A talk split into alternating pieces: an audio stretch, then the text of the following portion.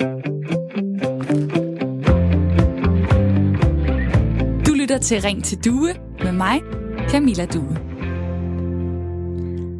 Coronatiden og coronakrisen har været en ikke særlig øh, sjov tid, men en tid til at stoppe op, tænke og mærke efter, hvordan lever jeg egentlig mit liv, og bruger jeg min tid rigtigt?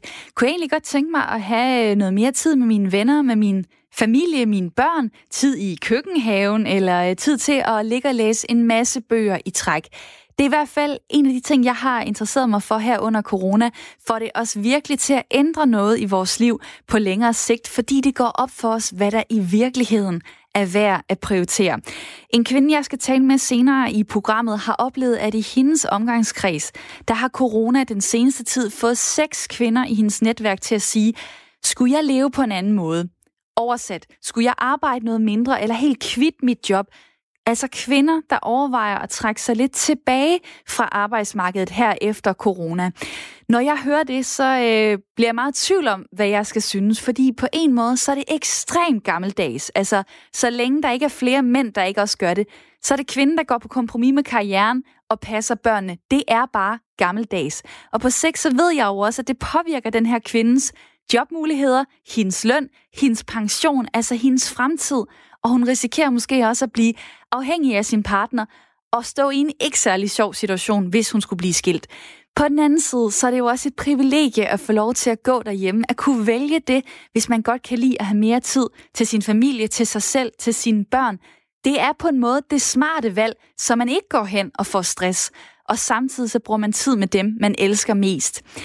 Det er et svært spørgsmål, synes jeg. Lige nu er der klart flest kvinder, der er på deltid. Der er 34 procent af de kvindelige lønmodtagere, der på deltid viser tal fra Danmarks Statistik i 2018.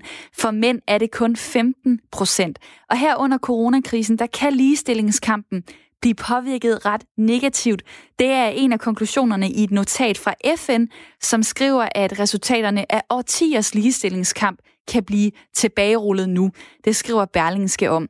Jeg synes, det er, et, det, er godt, øh, det er et godt debatspørgsmål, og jeg vil gerne have dig med i den her snak, og derfor så spørger jeg dig derude. Er du egentlig ligeglad med, om kvinder går derhjemme, passer børnene og går ned i tid, eller synes du, at det er en skamplet på ligestilling? Hvad hvis alle kvinder i dit netværk gik på deltid? Vil det provokere dig? Måske bare en lille smule? Eller vil du synes, at det var da rigtig dejligt? Tag lige telefonen og kom med i snakken. Ring til mig på 72 30 44 44, eller send en sms på 1424, hvor du starter din besked med at skrive R4. Så laver du et mellemrum, og så skriver du din besked og sender den afsted. Og det kan jo være, at du har erfaring med det her, enten fordi du selv er på deltid, du har mange i din omgangskreds, der er det, din partner er det. Jeg vil gerne høre om, hvorfor, og hvorfor er det lige dig, der er på deltid, og ikke din partner. Du kan også bidrage med andre holdninger og erfaringer. Nummeret er altså 1424, hvis du sender mig en sms. Skriv R4, lav et mellemrum, og så din besked, eller ring lige nu på 72 30 44 44. Altså, er du ligeglad med, om kvinder går derhjemme, passer børnene og går ned i tid, eller synes du, det er en skamplet på ligestillingen? Det er det, vi skal debattere i dag, og velkommen til Ring til Due.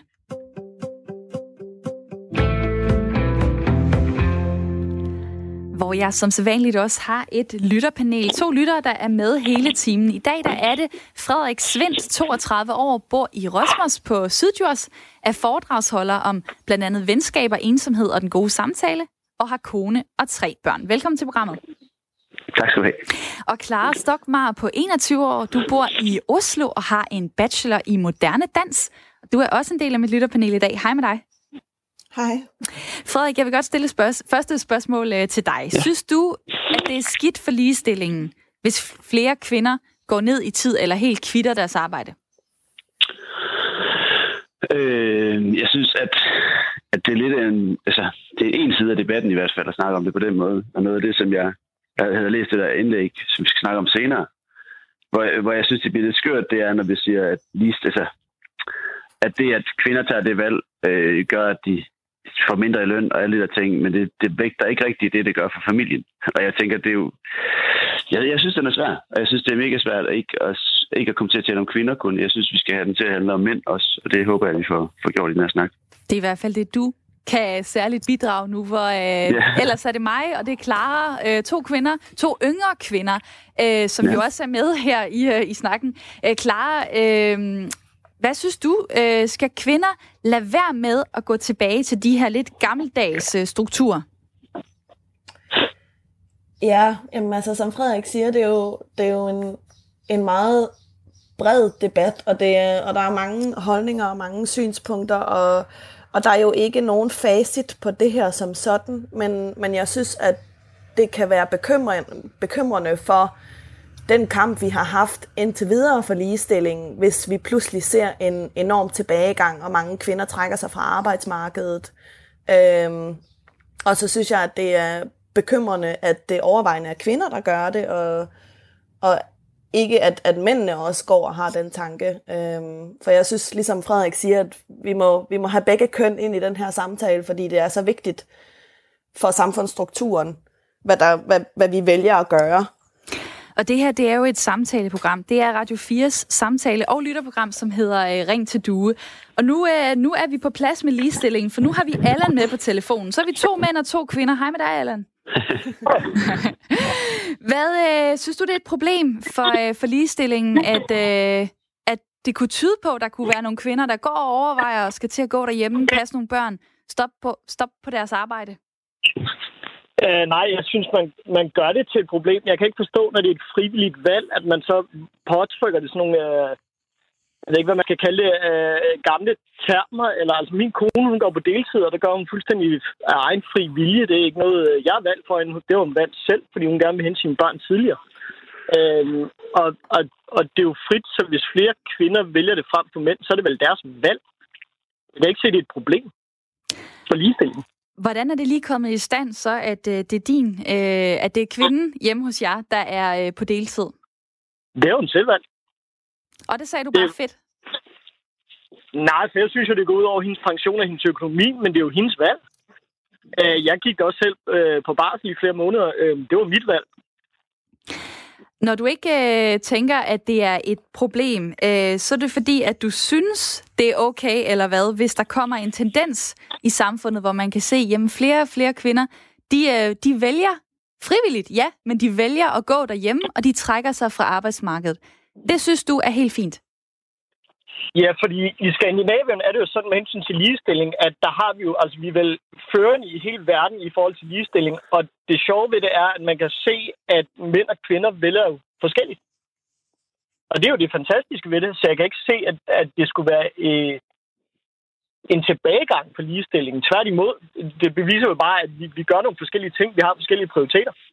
Danmark er faktisk tit ikke topscorer i forhold til ligestilling. Øh, jeg står her og kigger på nogle tal. I 2019 der lå vi på en 14. plads i en ligestillingsrapport fra det, der hedder World Economic Forum, mens øh, Island, Norge, Finland og Sverige de ligger nummer 1, 2, 3 og 4. Danmark er ikke særlig god til det her. Der er stor lønforskel for kvinder, som du selv nævner, pensionen. Når kvinder og mænd øh, stopper og går på pension, så har mændene 22 procent flere penge all in all, så står kvinderne som taber i det her. Men de har mere pension, fordi de går mere på arbejde. Og hvis kvinderne vælger at gå mindre på arbejde af deres eget frie valg, så er det jo ligesom også deres eget valg at få mindre i løn og mindre pension. Har I, er over... har... Har I overvejet, om uh, du skulle betale noget ind til hendes pension så? Fordi hun tager vel et større læs derhjemme med børnene? Nej, det gør hun faktisk ikke, for jeg kører en del til fodbold. Det gør hun ikke. Så jeg mener, vi prioriterer tingene ret lige. Vores familie laver lige så meget mad, som hun gør. Hun vasker tøj, men så laver jeg bilen. Øhm, altså, vi lever som en moderne familie nu gør. Øh, der er ikke nogen forskel på, om hun gør det ene, eller jeg gør det andet.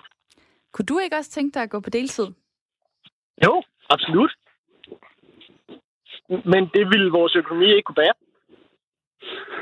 Så det, er også, det bliver et øh, økonomisk spørgsmål, men, men du synes, deltid er noget, der er godt for en moderne familie? Ja, jeg synes, det er fint, især hvis man har råd til det. Allan, prøv lige at hænge på, for jeg har jo mit uh, lytterpanel uh, med her. Uh, Clara, hvad, hvad siger du til det, Allan lige har sagt? Mm, ja, altså jeg, jeg, jeg, ser, jeg ser hans pointe, øhm, og man kan sige, at vi er kommet så langt i ligestillingskampen, at vi ikke længere er der, hvor kvinder er tvungne øh, til at være hjemme og hjemmegående, men at det er et frivilligt valg, de foretager sig. Det kan jeg godt se. Omvendt så mener jeg ikke, at vi er så langt i ligestillingskampen endnu, at at det ikke vil have store konsekvenser, hvis der er mange kvinder, som, som vælger at blive hjemme. Øh, og så kan det godt være, at det er frivilligt, og de ikke er undertrykte og alt det der. Men, men jeg tror, konsekvenserne er, er store. Netop som du siger, Danmark er ikke der, hvor vi skal være i forhold til ligestillingskampen heller.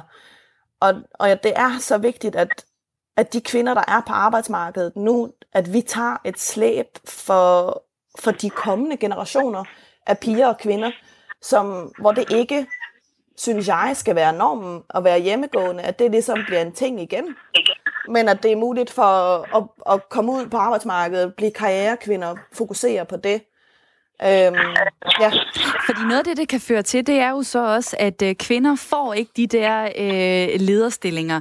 De får ikke Nej. bestyrelsesposterne. Øh, de, de får ikke øh, måske, øh, øh, hvad kalder man det, når man bliver øh, hævet op i, i hierarkiet, øh, forfremmelserne. Fordi at de arbejder mindre, fordi de ikke er der så meget. Altså, Øh, det er jo et kendt problem, at der mangler kvinder øh, i, i, i toppen af erhvervslivet. Det siger alle ledere. Ja. Det er et problem for vores samfund og for vores økonomi, fordi der sidder så mange kvinder, der har nogle evner, som bare ikke kommer i spil her. Allan, du er, du er stadig med på telefonen. Hvis alle kvinder bare sådan trækker sig tilbage, fordi de har lyst til det, så bliver det vel et totalt mandsdomineret øh, samfund og arbejdsmarked, vi har. Er det det, du ønsker dig? Det tænker jeg ikke, det gør. Øhm, størstedelen af ingeniører, det er mænd. Størstedelen af sygeplejersker, det er kvinder. Det er valg, mænd og kvinder, de tager. De tager forskellige valg. Øh, skal vi omvendt øh, lade være med at... Skal vi tvinge kvinder til ikke at have deltid, og så tvinge mænd på deltid? Vil det være ligestilling? Det, øh, det er fri valg, vi diskuterer nu. Og det er i hvert fald øh, dit budskab, som er givet videre her i programmet. Tak fordi du ringede ind på 72 30 44 44. Der er Asta, der her på sms'en skriver, lad dog kvinder gøre, hvad de vil. Det er jo fuldt lovligt. Hvad blander I jer i det for? Skriver øh, Asta. Og det er jo altid spændende, fordi er det her en privat sag, som familien bare skal ordne internt, eller er det noget, som øh, vi, os andre her i samfundet, også skal gå op i? Hvad tænker du, Frederik? Men jeg, nu blev, jeg delte jo faktisk den her øh, klumme, som satte i gang øh, på, på Facebook, øh, satte i gang noget debat derinde, øh, med, med den sætning, at når ligestilling det bliver, at, at, at alle skal gøre det samme, så bliver det så torske dumt. øh, og min kone går selv hjemme med vores børn og passer dem. Og de har ikke, altså, nu er den ældste, hun har startet i skole, men de to andre, de, dem kan jeg høre træt rundt ovenpå. Og, og, og, og, jeg tror, jeg bliver, altså, jeg bliver vildt provokeret af, at det, altså, lige præcis den her debat handler om ligestillingskampen øh, frem for, for kvindens frie valg, synes jeg nogle gange. Og jeg, og jeg bliver vildt provokeret af den, øh, de formuleringer, der kommer tit i det, fordi det bliver sådan en udskamning af dem, som så vælger at bruge deres tid på deres børn. Hvor jeg, det, det, kan, det synes jeg kan være helt hul i hovedet. Altså det der med, jeg, jeg, jeg, sådan, jeg kan godt høre, hvad I siger, når I siger, at der er konsekvenser at det er klart, at der er konsekvenser for, at der er flere kvinder, der ikke får lederstillinger, og vi burde have mange flere kvinder i lederstillinger, fordi de er ofte langt bedre til end mænd, som har lært at styre efter magt og alt muligt. Men der er også bare nogle konsekvenser af et samfund, der har pisse travlt. Og det tror jeg bare, vi også ser lige nu, når vi, vi glemmer, at det samfund, hvor at børn er, altså, der har aldrig været så meget mistrivsel blandt børn, der har aldrig været så mange ting, som, som går galt for helt unge, og der er altså, sindssygt mange diagnoser, og sindssygt mange teenager med skoleværving og alt det, og det tror jeg, der er et fortravlet samfund, der gør det. Så måske lidt tilbage til mit spørgsmål. Er kvinderne i virkeligheden de smarte her, dem der tager ansvaret? Altså, der er jo 34 procent af de kvindelige lønmodtagere, der er på deltid, kun 15 procent men Er det mændene, der ikke har fattet, hvad det her det, liv det handler om? Ja, helt vildt. Altså, jeg, jeg, jeg, jeg var selv interviewet en gang, hvor øh, det er, med, med, hvor jeg, at øh, overskriften kom til at hedde, at jeg sagde, at jeg, jeg var bevidst uambitiøs. Øh, og det har jeg, tror jeg, jeg har været sådan, de sidste seks år i forhold til, hvad jeg godt kunne tænke mig. Hele tiden kunne se en karriere, jeg godt kunne tænke mig. Men jeg har ikke haft lyst til at gøre det, der skulle til. Jeg har ikke lyst til at ofre mit liv med mine børn, fordi jeg har ikke lyst til at brænde så meget igennem, at jeg skal arbejde hver dag helt sindssygt at gøre, som dem der fra Løvens Hule siger, for at være iværksætter og alt sådan noget. Det, det gider jeg ikke, fordi jeg har små børn. Jeg har lyst til at være sammen med dem. Og, og det tror jeg helt klart, at mænd skal fatte i langt højere grad, at det er altså kun lige nu, for eksempel, at man har, jeg har små børn. Det Det kan jeg aldrig få igen, medmindre jeg bliver ved med at skyde dem ud. Det tror jeg skal stoppe, eller hun, min kone. Men, Men lige nu så er det så alligevel din, øh, din, din kone, der går derhjemme. Hvordan er I havnet i det så? Hvis du har den erkendelse allerede, hvorfor er det så ikke dig, der går derhjemme? Øh, det er der måske to årsager til. Altså, den ene er, altså, den ene er at vi, vi, vi valgte det lidt, fordi at vi begge to faktisk er opvokset i hjem, og vores forældre er gået hjem. Så jeg har aldrig været i institution, og det er min kone heller ikke. Så, så, så det har ikke været sådan et politisk statement. Det, har, det føles trygt, og det var en god barndom. Men det svarer, øhm, det svarer ikke på, hvorfor det er din kone, der går derhjemme. Nej, men det, det er ikke, hvorfor, hvorfor, der, hvorfor valget om at skulle gå hjem. Hvorfor, hvorfor det hende, der går hjemme, det er nok fordi, at hun har en pædagoguddannelse, og kan ikke, øh, om hun så arbejder fuldtid, lave, lave generere den løn, som skal til for, at vores liv kører rundt. Hvor at jeg som er selvstændig iværksætter og foredragsholder godt kan det. Og så igen er det økonomien, det her det ender med at handle om? Ja, og uddannelsesbaggrund. Hvis hun havde en anden uddannelse, som gør, at hun kunne efterstræbe en karriere og havde lyst til det, så, så, så kunne vi jo det. Og jeg, jeg har tit haft lyst til, at vi kunne bytte rundt, men det har simpelthen ikke været økonomisk muligt for os. Jeg kunne godt tænke mig at tage Jane Sandberg med ind i den her snak. Velkommen til programmet. Tak skal du have. Museumsdirektør og forfatter. I fredags der havde du en øh, klumme i Berlingske, hvor øh, du fortæller, at seks kvinder i dit netværk har overvejet at ændre øh, deres liv, deres arbejdsliv, arbejde noget mindre her efter øh, corona. Øh, det er ikke godt for ligestillingen, skriver du. Så vil jeg så spørge, hvorfor er det skidt? Øh, jeg, jeg stiller spørgsmålet, om det er det. Jeg, jeg, jeg siger ikke, at jeg ikke synes det. Jeg spørger, hvad, hvad vi synes om det som samfund. Og når jeg rejser det spørgsmål, så er det jo fordi, jeg synes, jeg kan se nogle øh, strukturer, øh, som øh, ligner noget, vi har set før i historien, som i virkeligheden peger i retning af nogle kønsroller, som, og I har i virkeligheden været inde på det allerede i jeres samtale, som gør, at kvinderne, fordi at de trænger til at være mere sammen med deres børn og have mere tid til nogle af de andre ting, som livet også indeholder, altså ikke kun arbejde, at de så kommer til at træffe nogle valg, som stiller dem ringere, når de skal tilbage på arbejdsmarkedet. Er du overrasket over, at du her øh, i løbet af corona øh, har set kvinder i dit netværk begynde at lege med tanken om at, at trække sig lidt tilbage fra arbejdsmarkedet? Nej, det er jeg ikke. Jeg er overrasket over, at det er så få mænd, der siger det samme. Det kan sige noget om mit eget netværk, selvfølgelig.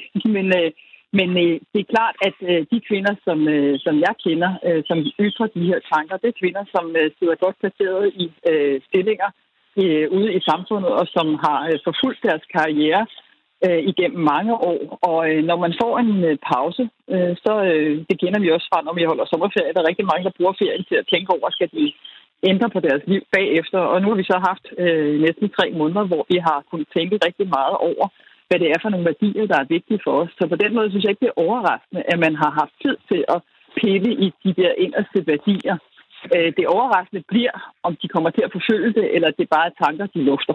Mm. Jeg synes, det svære spørgsmål her, det er, øh, som Allan nævnte, der ringede ind øh, i programmet øh, tidligere, det der med det frie valg. Og jeg kan mm. simpelthen ikke finde ud af, hvor frit det egentlig er. Altså, øh, fordi det lyder som om, at øh, det er frit, men øh, upsi whoopsie, så ender det alligevel næsten altid med at være kvinden, der går derhjemme. Og så kan jeg ikke finde ud af, jamen, hvad er det så, der ligger under det? Hvad tror du, altså hvorfor er det kvinderne, der får det, i dit netværk, der får den øh, opvågning?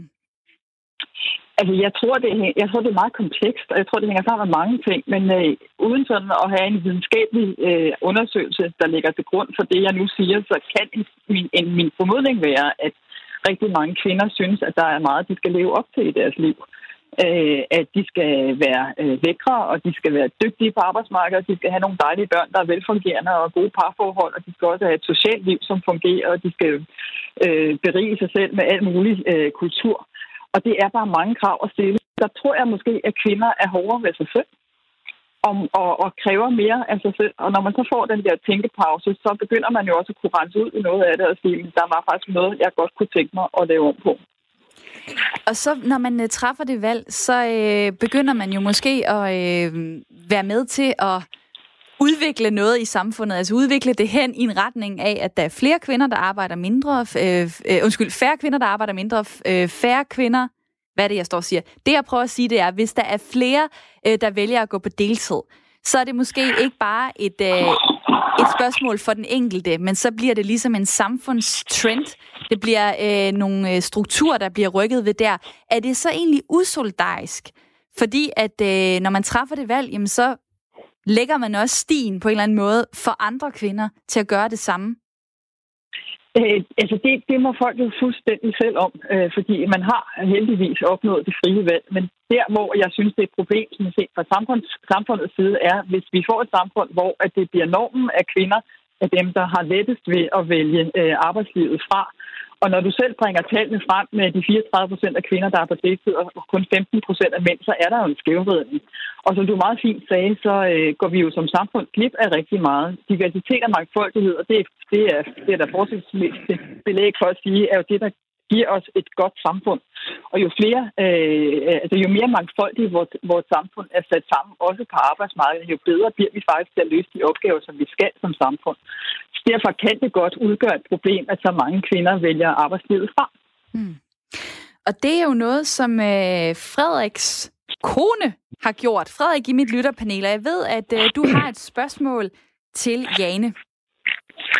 Jamen, uh, hej Jane. Hej. Øh, jeg, altså, jeg synes, noget, noget af det, du lige sagde nu, der er ret interessant, det er det her med, at du siger, at kvinder er hårdere ved sig selv. Øh, og øh, jeg tænker, det er måske også nogle gange, at de er hårdere ved hinanden i forhold til det, dem, der bruger de. Altså, du sagde, at du har set det på sociale medier, og de, ligesom, de, de viser i, i højere grad ofte, hvad der foregår, også derhjemme. Og så bliver det sådan et spejl, som sådan selvforstærkende. Uh, nu skal vi også i gang i surdejen. Eller, altså, det tror jeg helt sikkert, du har ret i, at der er noget der, som, som, som er selvforstærkende. Men noget af det, som jeg slog mig på i din øh, klumme, det var, det var nok kontrasten imellem, at det er godt for familien eller godt for ligestillingen.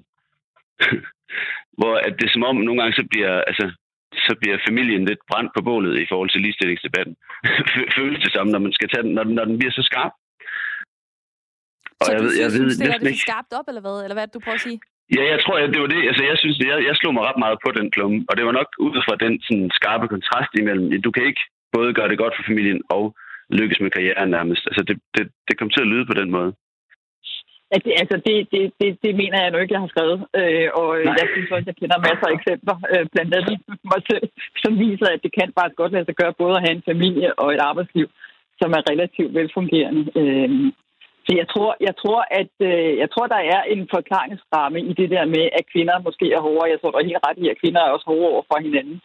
Og jeg ja. tror ikke, det er sundt med den øh, kultur, vi har nu, hvor alting skal deles på sociale medier med lækre filtre, øh, som gør, at vi skal fremstille os selv på måder, som øh, i virkeligheden sætter normen eller, eller øh, barn højere og højere.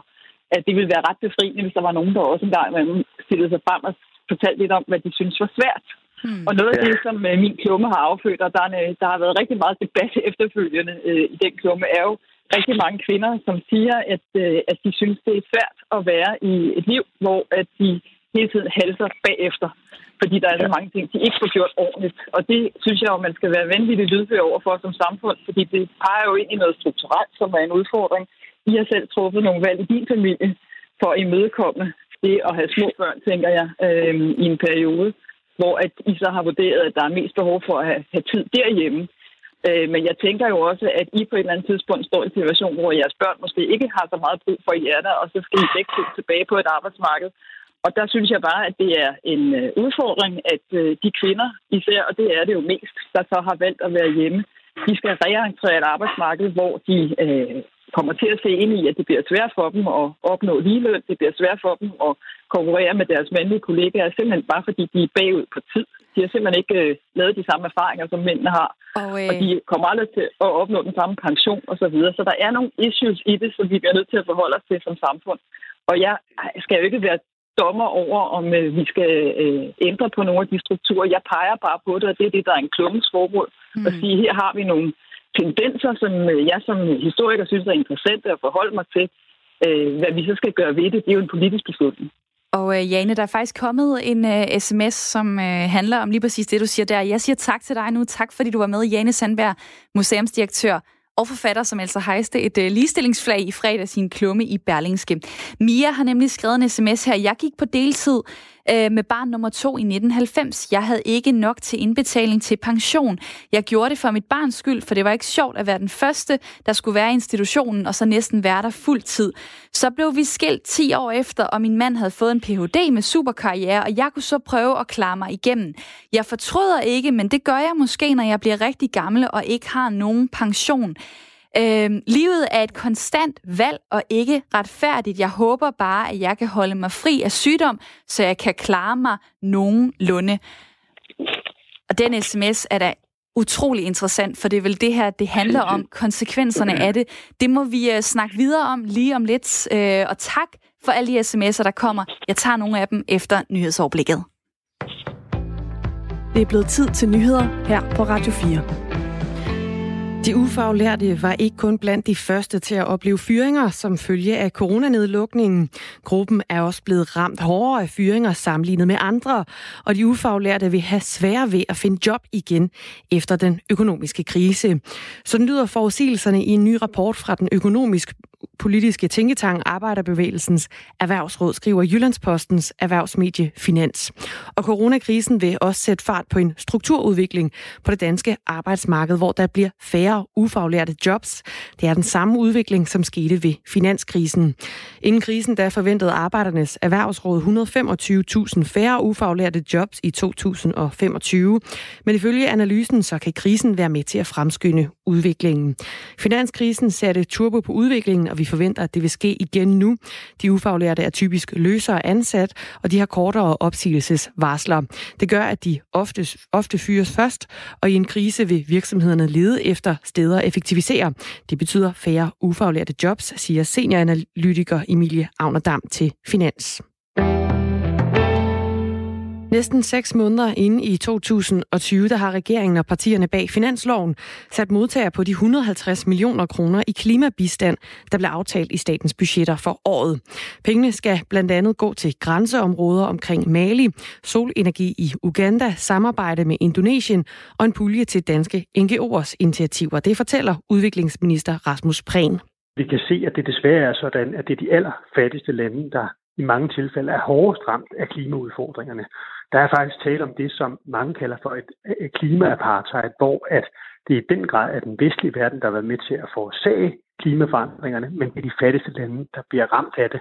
Mens 92,5 millioner kroner går til projekter som infrastruktur i området omkring Mali og Niger, samt solceller i Uganda, så går de sidste 57,5 millioner kroner til en pulje til danske NGO'ers initiativer, blandt andet til et styrket samarbejde mellem Danmark og Indonesien. Røg fra de omfattende australske skovbrænde førte i løbet af brandsæsonen 2019 til 2020 til omkring 445 dødsfald og over 4.000 indlæggelser. Det anslår et studie, som er blevet fremlagt for en kongelig kommission i Australien, skriver The Guardian. I alt der har 80 procent af Australiens befolkning på ca. 25 millioner mennesker været påvirket af røg fra brændene. Og det samlede, de samlede omkostninger i sundhedsvæsenet de svarer til knap 9 milliarder danske kroner. Studiet Studiet det undersøger antallet af indlæggelser sammenholdt med data om luftkvalitet, og herefter er der så blevet set på overdødeligheden. Flere danskere ser ud til at have brugt noget af foråret på at ordne ting i haven. I hvert fald så har et større salg af udstyr til blandt andet bolig og fritid været med til at løfte det danske detailsalg i april. Det viser tal fra Danmarks Statistik. I løbet af måneden der er det samlede detailsalg steget med 0,4 procent i forhold til måneden før. Og det hænger sammen med en stigning i kategorien andre forbrugsvarer, der eksempelvis dækker over omsætningen i butikker med salg af udstyr til bolig og fritid samt byggemarkeder. Trods stigningen i detailsalget i april, så ligger omsætningen i detailbranchen stadig under det normale niveau. Måneden før var der nemlig et betydeligt fald. I løbet af marts, der faldt det danske detailsalg med hele 4,5 procent, oplyser Danmarks statistik. Og dermed så bød marts måned på det suverænt største månedlige fald i detailsalget i al den tid salget det er registreret af Danmarks statistik. Det siger Thor Stramer, der er cheføkonom i Dansk Erhverv. Her allerførst på formiddagen, der kan der være tog flere steder, og ved Bornholm, der er der havgus hele dagen. Ellers så kommer der nogen eller en del sol, men til eftermiddag kan der også komme enkelte lokale byer. Temperaturerne de lander mellem 15 og 20 graders varme.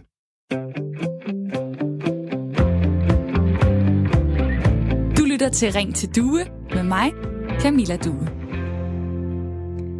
Velkommen tilbage, og Radio 4's samtale- og lytterprogram, det hedder Ring til Due, og det er her fra klokken 9 til 10, og jeg beder altid jer derude om at være med, enten ved at sende mig en sms på 1424, start beskeden med R4, lav et mellemrum, og fortæl mig så i dag, hvor vi taler om øh, ligestilling. Skal deltid afskaffes i ligestillingens navn og af hensyn til kvinderne, fordi at det i bund og grund skader kvinders karriere, deres løn, deres fremtid og deres frihed. Skal vi sige, det er slut med del tid, fordi det er i virkeligheden bare kvinderne, der bruger det. Det kan du jo øh, fortælle mig på, øh, på sms'en 1424, hvor der også kommer så mange dejlige beskeder til mig lige nu, og tak for det. Der er for eksempel øh, en, der skriver her, øh, debat er godt, og hvis vi skal frem til det frie valg for kvinder og mænd, så har vi altså langt igen. Jeg kunne skrive et essay om ligestilling og kvindefrigørelse, og jeg gør det nok en dag. Den bog mangler. Mænd og kvinder er ikke ligestillet i Danmark, og det tager nok endnu 100 år, før at det sker. Der er også en, der skriver her, øh, mænd og kvinder skal have samme løn, øre til øre, krone til krone. Det er en skændsel, at her 100 år efter kvindebevægelsen, så får mænd stadig mere i løn relativt. Og der kan jeg sige, at ja, der er 12,8 procents lønforskel for præcis det samme arbejde ifølge Danmarks Statistik. Så der er kommet øh, en besked her også. Ligestilling handler for mig om, at enhver, uanset køn, etnicitet eller andre forudsætninger har lige muligheder for at leve lige præcis det liv, de ønsker. Gammeldags struktur eller moderne struktur, uanset hvilke ord man benytter, er man slave af en struktur, som samfundet har designet, og ikke individet. Er det en tilbagegang med kvinder på deltid? Nej, det mener jeg ikke. Er det mon i virkeligheden en fremgang, en reaktion på, at den moderne struktur faktisk ikke fungerer, og hvor er børnenes perspektiv i det her? Mit umiddelbare tanke er, at børneperspektivet er en klar, undskyld, en klar fremgang for livskvaliteten. Og ja, når der bliver skrevet så dejlige lange beskeder til mig, så mister jeg næsten pusen. Det er Ditte, der øh, sendte den ind på nummeret 1424, hvor hvis du har lyst til at være med, kan du sende mig en sms og start beskeden med R4, lav et mellemrum og send så din besked afsted. Og lige i nyhedsoverblikket, der læste jeg også en øh, virkelig spændende besked op fra Mia, som øh, fortalte lidt om, at det har haft konsekvenser, eller måske kan det få det for hende, at øh, hun valgte børnene, manden valgte karrieren, og øh, nu er de så blevet skilt, og nu står hun uden en øh, pensionsordning og håber ikke, at hun øh, bliver syg og får brug for, øh, for nogle... Øh, nogle penge i, uh, i fremtiden. Uh, hvad tænker I egentlig om det i mit lytterpanel? Det er Frederik Svendt på 32 år fra Syddjurs, og det er Clara Stokmar på 21 år fra Oslo. Beskeden fra Mia, som altså siger, det, det, er still, det har stillet mig dårligere, at jeg valgte at gå på deltid, mens min mand fik karriere. Så, øh, jeg, jeg, jeg, jeg tror faktisk, jeg blev klogere på den her snak af, at have en debat. Mit, mit Facebook var heldigvis ikke bare et ekokammer af andre hjemmegående folk. Der var også øh, andre stemmer, som, som sagde mig imod i forhold til at dele den her klumme, den her klumme af Jane. Og det, som, øh, det, som jeg egentlig tænker, det er, at jeg tror, at jeg skal overveje strukturelt, hvordan er det, jeg stiller min kone bedre øh, mm. ud fra den situation, vi er i. Så nu er vi så i den situation, at jeg er selvstændig lige nu, og ikke, ikke betaler ind til en pension selv. Så der er ikke nogen af os, der, der rider den hest pt. Øh, og jeg har gjort det i forhold til for eksempel, at hvis jeg skulle dø eller noget, så har jeg en ret hissig livsforsikring, som så gør, at hun er dækket de næste fire år med min løn. Og, og på den måde, så, så skal man nok tænke ind, at, at hvis, vi skal have en struktur, hvis vi skal ændre en struktur til, at der er flere, der går hjemme, og jeg synes, det er irrelevant, om det er mænd eller kvinder på en eller anden måde i det, fordi det er dem, der det her valget, der skal tage det. Øh, men at, at det så er, at vi så skal bære en struktur med, som også sørger for, at man ikke øh, ender i den situation, som hende og Mia er i. Der er en, der skriver her på sms'en, fælles pensionsopsparing i ægteskaber med fælles eje er en meget interessant idé. Kunne det betyde, mm. at der var flere, der, der trak sig lidt fra, fra lønarbejdet? Jeg sidder simpelthen også og undrer mig over, hvis din kvinde, øh, din kone, ikke har sagt til dig, prøv at høre her, øh, jeg skal skulle have øh, noget i pension for dig, eller jeg skal, jeg skal sikre mig, at jeg også får del i den løn, som, øh, ja. som du så, øh, så har. Fordi at selvom jeg går derhjemme, så tager jeg altså et kæmpe øh, slæb for familien, og det skal jeg også honoreres for. Ja, altså nu har jeg jo bare sådan, jeg nåede at have et job, hvor jeg havde pension i et halvt år, inden jeg gik fuldtid som selvstændig. Så, så pensionsdelen er der jo ikke, og vi deler jo vores løn. Altså, vores løn er fuldstændig hendes og min. Der er ikke nogen forskel der. Der er, der er løn, og der er pensioner. Øh, vi kan også tale om, øh, jamen, hvad, hvad kan man så øh, gøre i forhold til karrierestigen, som man er gået nogle ja, trin nedad. Og det, det er det, der er lidt spændende. Det er spændende, men Frederik, Frederik, den tager vi lige om lidt, fordi jeg kunne godt tænke okay. mig at få Ami med ind i øh, snakken, som har ringet ind. Velkommen til. Tak. Du har ringet ind fra øh, Hvidovre, øh, ja. og hvad har fået dig til at, at øh, give mig et kald?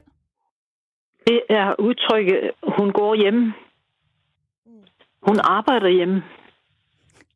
Hun passer den næste generation. Hun udfører et arbejde i huset og, og er meget medvirkende til økonomien, selvom hun ikke tjener nogen penge, for hun er i stand til, at, at der bliver der, der bliver sørget for, at der bliver, er, hvad der skal bruges. Mm. Og så bliver der lagt lidt til side, så det rækker. Og, og det er meget vigtigt.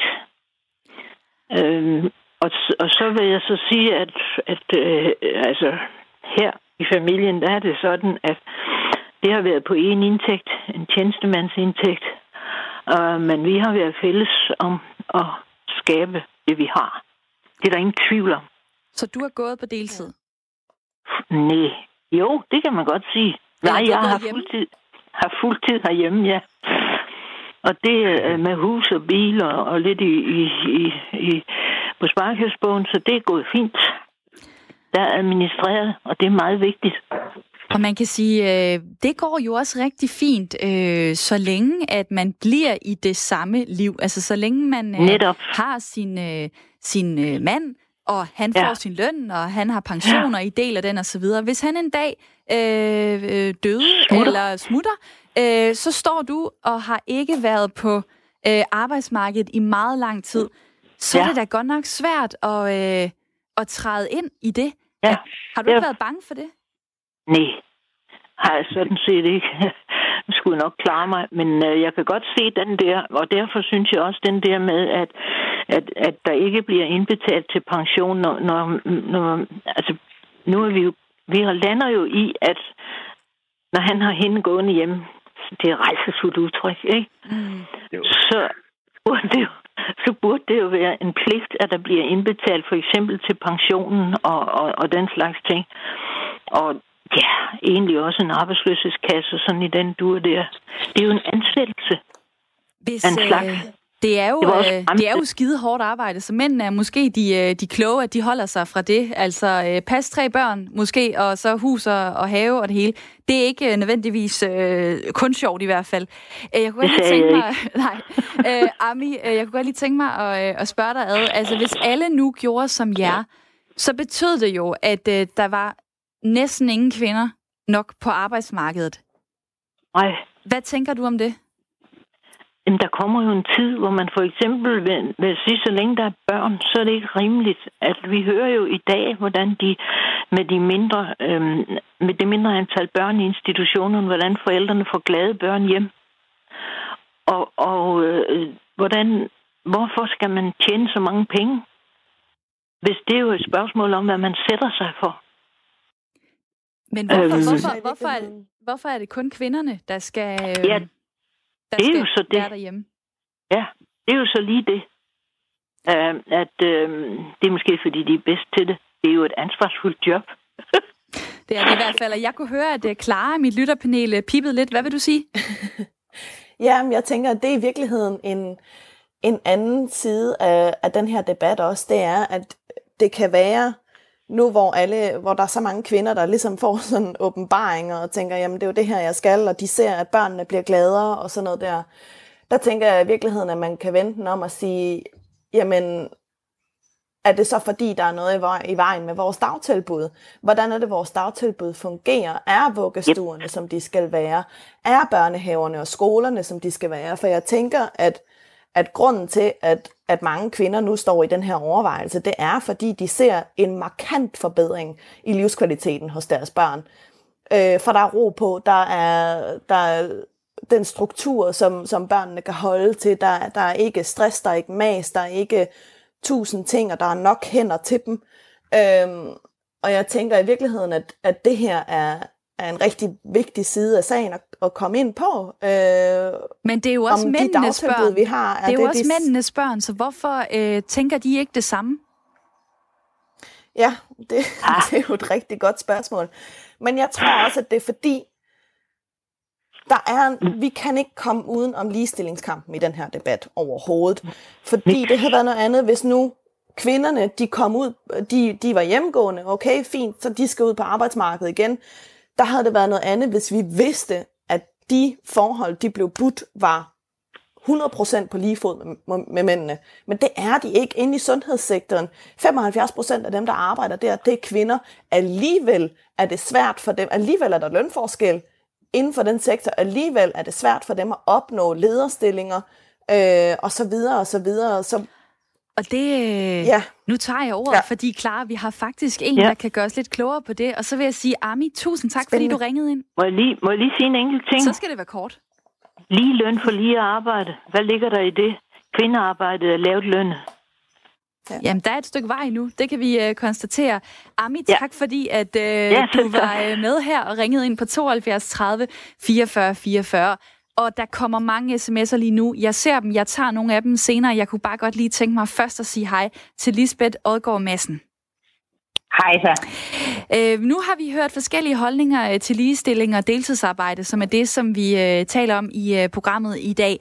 Du er stifter ja. af en virksomhed, der hedder Potential Co., som arbejder på at fremme kønsmæssig balance, så fint som det kan hedde på, øh, på danske ja. arbejdspladser.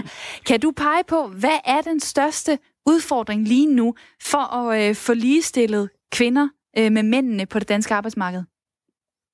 Jeg tænker egentlig, der er sådan to meget store udfordringer i det. Øh, det ene, det er, at, øh, at der stadig er en, en, en, en vidtgående forståelse af, at der er faktisk ligestilling i Danmark.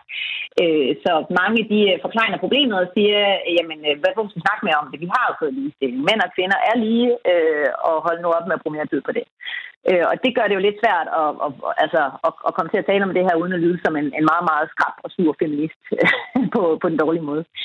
Øh, ja, det er den ene ting. Og den anden ting, det er for mig at se, at, øh, at den her snak tages, øh, bortset fra i dag, hvor I jo så også taler meget om hjemmesfæren, så fokuseres der primært på udsfæren, altså på de ting, der sker ud på arbejdspladserne og øh, magt i samfundet osv., men ikke så meget på hjemmesfæren, og hvor der jo også er store ligestillingsudfordringer. Og det man faktisk kan se i forskningen, det er, at øh, den største faktisk efterhånden den største årsag øh, til den uligestilling, der er i Danmark, er faktisk baseret på de ting, der sker, når vi får børn. Og er det i forhold til, øh, til barsel, og så senere øh, gå på deltid? Ja, det starter nemlig med, at øh, mor jo tager øh, langt størstedelen af barslen, øh, særligt i, øh, i yderområderne. Det vil blive lidt bedre i øh, blandt akademikerforældre i øh, storbyerne, men, men i det store hele, så tager far faktisk kun cirka 30 dage af barslen, hvor mor hun tager resten. Øh, og det der jo så sker, det er, at når far så, eller når mor så tager al barslen, så er det også hende, der, der får den tætte tilknytning til børnene, og som tager alle vasketøjsbunkerne og så videre. Øh, så når de så sidenhen skal til at diskutere, hvem det er, der skal tage øh, sygedagene eller vasketøjsbunkerne, eller hvad det nu måtte være, jamen så er det jo lige lettest, at det er mor, der gør det, for det er hun vant til. Og så øh, den tid, hun bruger hjemme, kan hun jo selvfølgelig ikke bruge ude i arbejdslivet. Så derfor så, øh, så er det øh, mor, der ender med at, øh, at bruge meget tid i hjemmet. På godt og ondt, altså. Som der er nogen, der siger, det er jo, altså, det er jo godt for børnene, altså, det er jo ikke kun skidt. Men, øh, men det betyder bare, at mor har svært ved at gøre sig gældende øh, på, på, altså ude i, i samfundet uden for hjemmet, og far har faktisk også svært ved at gøre sig gældende øh, i hjemmet, kan man sige. Jeg bliver nødt til at sige, det lyder bare så frygtelig gammeldags. Altså, jeg tænker bare... Det er det også. Hvad sker der? altså, ja. Hvorfor, skal, hvorfor Jamen, står altså... kvinderne og tager vasketøjet? Hvorfor tager de ikke den her snak med deres mænd og siger, prøv lige at høre, hjælp mig lige til det her. Du skal tage dit ansvar. Du skal, øh, yes. du skal måske også på deltid, så jeg også kan få en karriere. Ja. Men det er jo netop, altså, øh, det er jo fordi, at vi jo falder tilbage på en automatpilot, øh, og så meget desto mere her under coronakrisen faktisk, hvor at vi øh, altså baserer os på nogle gamle, gamle kønsstrukturer, som vi bare altså, kører videre på, fordi de har jo egentlig Altså, der er jo ikke nogen, der har lidt, lidt ned på den måde, ved at de har fungeret i, i årtier, øh, og så er vi bare aldrig kommet videre. Så det er sådan noget med, at vi bruger øh, øh, nogle, altså, en, nogle arketype om, at far han er skaffer, og mor hun er omsorgsgiver, og sådan har det altid været, og det er det så blevet ved med. I højere grad i Danmark end i nogle andre lande, øh, faktisk i Norden. Og det er jo i hvert fald noget, der skal øh, til at synke ind, tror jeg, hos mig, hos mange andre lyttere. Vi er ikke ligestillet. Og det er både skidt for mændene og kvinderne. Der er for eksempel en, der skriver yeah. her, Tina på sms'en, nu bliver jeg nødt til at holde ind til siden og blande mig. Jeg har heldigvis en mand, der gerne vil holde barsel og også gå ned i tid. Det sidste har han bare ikke mulighed for. Der er jo heller ikke ja. ligestilling der. Jeg tjener mest og har mulighed for at gå ned i tid, så det bliver mig, der får mest tid med børnene. Med hensyn til kvinder og det pres, de føler, så har de simpelthen også selv et ansvar for at sige fra. Øh, jeg er træt af lykkehistorier og glimmerfiltre på sociale medier, når man ved, hvordan nogle af de kvinder i virkeligheden har det. Tak for en god debat. Hilsen Tina. Og lige måde tak for en god sms på nummer 1424, hvor Anita også skriver sådan her. Hvor tegner det godt for et bedre børneliv, at nogen har fået ro i hverdagen, så de har kunne mærke, hvad der er det rigtige for deres familie. Alt for mange børn henslæber alt for meget af deres barndom i institutioner, hvor de har ingen indflydelse, hverken på rammer eller på muligheden for at trække sig fra fællesskabet i løbet af dagen. Det er først og fremmest børnene, der betaler prisen for ligestillingen. Og børnene lever øh, lige nu, og barndommen er kort og uendelig vigtig. Ha' tiltro til, at familierne selv kan prioritere, hvem der arbejder hvor meget. Venlig hilsen, Anita. Og det er jo der, hvor mm. det her mm. bliver så sindssygt interessant, fordi der er, jo, der er jo alle, der ringer ind og siger, jamen det er jo kvinderne, der selv vælger det. Det er kvindernes frie valg. Mm. Hvad vil du svare yes. til det, Lisbeth? Øh, ja, jeg vil svare, at øh, vi tror, det er et frit valg, men øh, der er altså nogle kulturelle strukturer, som er, som er trukket ned over øret og på os, som vi ved det eller ej, som faktisk gør det øh, ikke så frit, som man lige skulle tro. Øh, selvom øh, der er, jeg tror, der er rigtig mange, jeg ved, der er rigtig mange, der har den forhandling eller den snak derhjemme og, om alt det her. Øh, men den er no man is an island, så derfor så øh, er den jo baseret på, hvad ens omverden gør. Og hvis alle andre folk rundt omkring en er struktureret på den her måde, at mor går på deltid og bare han går på arbejde, så vil man føle, at det er normaliteten, så derfor så det er nok også det, jeg skal gøre, øh, når vi har snakken herhjemme. Øhm, så derfor, så, øh, så ja, vi skal bestemt have tillid til, at folk de kan skabe deres egne disponeringer, Øh, men vi skal også bare lige huske, at der er noget, der hedder kultur, som ret, ret meget definerer, hvad det er for nogle disponeringer, vi gør, øh, og som rent faktisk gør, at det faktisk ikke er så frit det der valg, som vi også snakker om, som vi lige tror. Og det gælder både barsel og deltid, og hvem der tager børnenes sygedage osv., og hvem der i øvrigt henter tidligt fra institutionerne, når børnene ikke skal have de der lange dage. Det er faktisk kvinderne hele vejen rundt. Øh, og igen, det er mega fedt for børnene, at de får noget mere forældretid eller øh, mortid, men det er jo lige meget, om det er mor eller far. Øh, men det er altså stadig en udfordring, ikke bare for, for kvinderne, men for samfundet generelt. Og det må jeg da lige sende videre øh, til mit øh, lytterpanel. Frederik, ja. hvad tænker du? Jeg tænker, altså, der, der er jo sådan to ting i den der med, at, kvind, altså, men, at, men, at, at der er noget struktur, struktur, og så er der også en biologi i, at det er en kvinde, der har født mennesket og kan amme det. Øh, og det synes jeg nogle gange, man sådan også kan glemme på det her, at der er nogle naturlige naturlige ting i det, som ikke kun er kulturelt puttet ned over os, men som også er sådan helt biologi. Man kunne jo bare øh, amme et Men det er bare de færreste kvinder, der ammer øh, de, i 12 måneder ja, sådan fuldt ud. Det bliver nødt til at sige, den holder det, det, det, det, det, det, det, synes jeg overhovedet ikke. Jeg synes, de fleste kvinder, jeg kender, har lyst til det. Okay, det har gjort det, eller har haft lyst til det. det, det Men den anden ting er, at, at jeg synes, at, at den her debat, når det bliver en kvindedebat tit, så bliver der sådan en debat mellem kvinder, og lidt ligesom vi snakkede med Jane om før så er kvinder bare lidt hårde ved hinanden nogle gange i det her. Så derfor så bliver valget jo udskammet. For jeg har en kammerat, som er et vennepar, hvor de har gjort den modsatte. Hun har kørt fuld karriere, og han har kørt øh, deltid eller hjemme. Øh, det er rigtigt, det ikke hedder hjemmegående. Hjemmepassende, men han har stået for hjemmet og hentet børnene og afleveret dem, og de har haft god tid hjemme og alt det. Og det, som de oplevede, det var jo, at det var kvinder, der udskammede hende igen for at tage karrieren. Det er, hvor, at, og det er jo et kæmpe problem. Det, altså, det, det, det, det, det, der, er hele, der er en kæmpe humle i det her med, og det er også det, jeg yeah. havde ved Janus Klumme, det er, at hun ligesom hun kommer med nogle fornedrende retorikker i forhold til, at det er et kedeligt forbillede at passe sine egne børn. Hold nu kæft, altså det, det er så fornedrende og så udskammende, når, når kvinder snakker om det her altid, og det, der er bare et kæmpe problem i den retorik. Og nu er det jo ikke lige uh, Jane, vi har med på telefonen. Det er i stedet nej, nej, det ved jeg godt, men det er, stadig, men det er stadigvæk retorisk. Det, ja, at, at der er en konstant at... udskamning. Ja, der er udskamning af det ene og af det andet, og hvad ja. sådan skal man så synes? Uh, Lisbeth, lige her til sidst. Uh, en del af løsningen, kunne det være at afskaffe deltid? Simpelthen sige, ja, det, det, Det ville være verdens dårligste idé for alle parter, synes jeg. Øh, det, jeg synes, en del af løsningen er, det er at skabe nogle strukturer, der giver den her hjemmesfære noget mere anerkendelse, som der er så flere af dine lytter, der har sagt. Oversæt lige det, øh, oversæt lige det, skabe struktur. Hvad, ja. Hvad fanden er det? Ja, undskyld. Øh, jamen, det handler simpelthen om at sørge for, at, øh, at, vi, at den værdi, som, som man skaber ved at være i hjemmet, det rent faktisk også bliver anerkendt. Øh, det handler jo for eksempel om, at, øh, at hvis nogle flere fædre de tog noget mere barsel, så, øh, så, så øh, fandt alle ud af, ikke kun kvinderne, at det faktisk var ret fedt øh, at man gjorde det attraktivt for mænd at tage deltid. Det er typisk øh, faktisk, øh, når man sidder, hvis man taler for et, et, en, en gruppe af folk, så øh, sidder alle kvinderne og siger, jeg tager deltid, fordi det er så så fedt. Og så når man så spørger mændene, hvorfor tager I ikke deltid, så siger de, at jeg kan da ikke undværes på arbejdet. Ja, gud kan de da så, men de har bare ikke opdaget, at de ikke kan undværes på arbejdet, og det er faktisk ret fedt at være derhjemme. Øhm, så at skabe nogle karrieremodeller, nogle karriereveje, hvor, øh, hvor deltid bare ikke har de samme hvad skal man sige, fatale konsekvenser på karrieren, for eksempel. Så når man rent faktisk godt i de år, hvor man har små børn, øh, faktisk kan tage deltid lige meget, om man er mand eller kvinde. Men lige nu, der er det bare sådan, at vi forventer, at mor går på deltid, og vi forventer, at far bliver på arbejde. Og det er altså noget fjolleri. Og det viser sig også, siger øh, statistikkerne, med 34 procent af de kvindelige lønmodtagere på deltid, øh, 15 procent af mændene. Og det var Lisbeth Odgaard Madsen, stifter af virksomheden Potential Co., som du hørte her. Øh, hun bruger sit arbejdsliv og sin tid på at fremme kønsmæssig balance på danske arbejdspladser. Det her det er et lytterprogram, og derfor har jeg lytter i mit panel. Jeg har også rigtig mange lyttere, der byder ind på sms'en lige nu, og tak for det. Daniel skriver, goddag. Nu bliver I da selv meget generaliserende. Jeg vil godt have holdt holdt mere barsel. Min kone var arbejdsløs, så det ville være økonomisk selvmord, hvis jeg blev hjemme. Ydermere laver jeg som mand lige så meget husholdningsarbejde som min kone, så ro på på offerpositionen. Hilsner fra Daniel.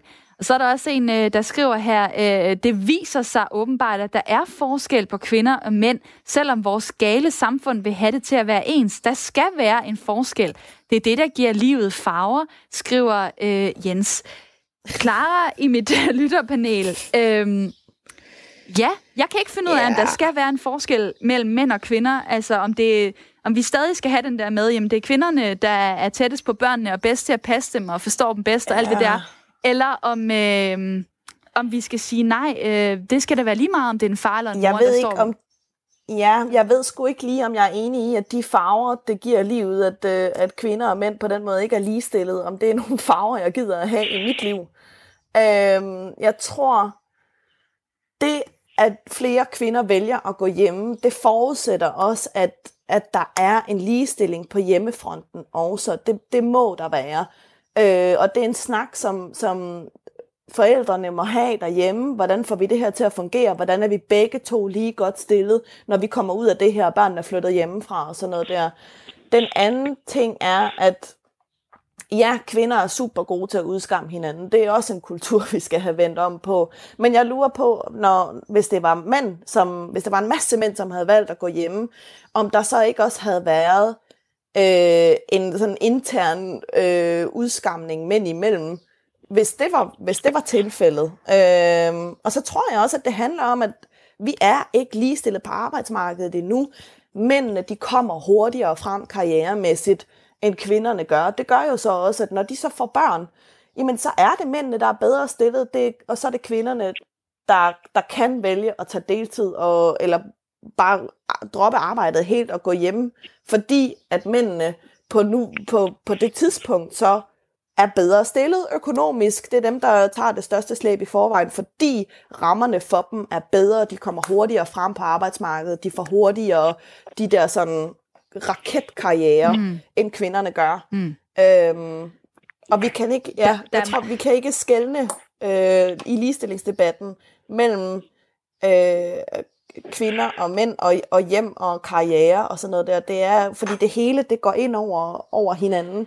Der, der er en her på sms'en, der skriver, man forebygger netop skilsmisse, når den ene arbejder deltid. Jeg er i overskud, øh, og nyder at være sammen, når vi har weekend og om aftenen, uden alle de praktiske opgaver i huset med vasketøj, indkøb og rengøring, som skal klares. Det gør, at jeg går og slapper af, når jeg har fridag i mit eget tempo. Jeg tager det som det aktive livsvalg at arbejde deltid. Jeg synes, det er skønt, og jeg føler mig heldig. Venlig hilsen, Anne. Øhm, så er der også en, der skriver her, giv de kvinder, der vil gå hjemme, de penge, de betaler til dagplejerne. Det vil være mm. en stor gevinst på den lange bane. Øhm, så er der en, der skriver her, ligestilling handler jo om frihed til at vælge uanset køn, så derfor er det jo ikke skidt, hvis flere kvinder selv vælger at være hjemme. Og der er jeg Nej, stadig det, i tvivl det er om, jo hvad... frihed til... Jamen, det, og det er jo, det er jo en kæmpe frihed, at flere og, og flere og flere kvinder kan gøre det. Kæmpe frihed. Men, men jeg synes, at det udelukker ikke vores snak om ligestilling på arbejdsmarkedet øh, overhovedet, fordi der, vi, der er nogle rammer, der er nødt til at være der, netop for at kvinderne er sikret, når de kommer ud igen. Øhm, og det bliver, ja. det bliver simpelthen øh, de sidste ord her i uh, Ring til Du. Ja, ej Frederik, der var så meget mere, vi kunne snakke om. Tak for en fantastisk debat og mange gode sms'er. Det var Frederik Svendt og Clara Stokmar, der var med i mit lytterpanel. Nu skal vi have nyheder.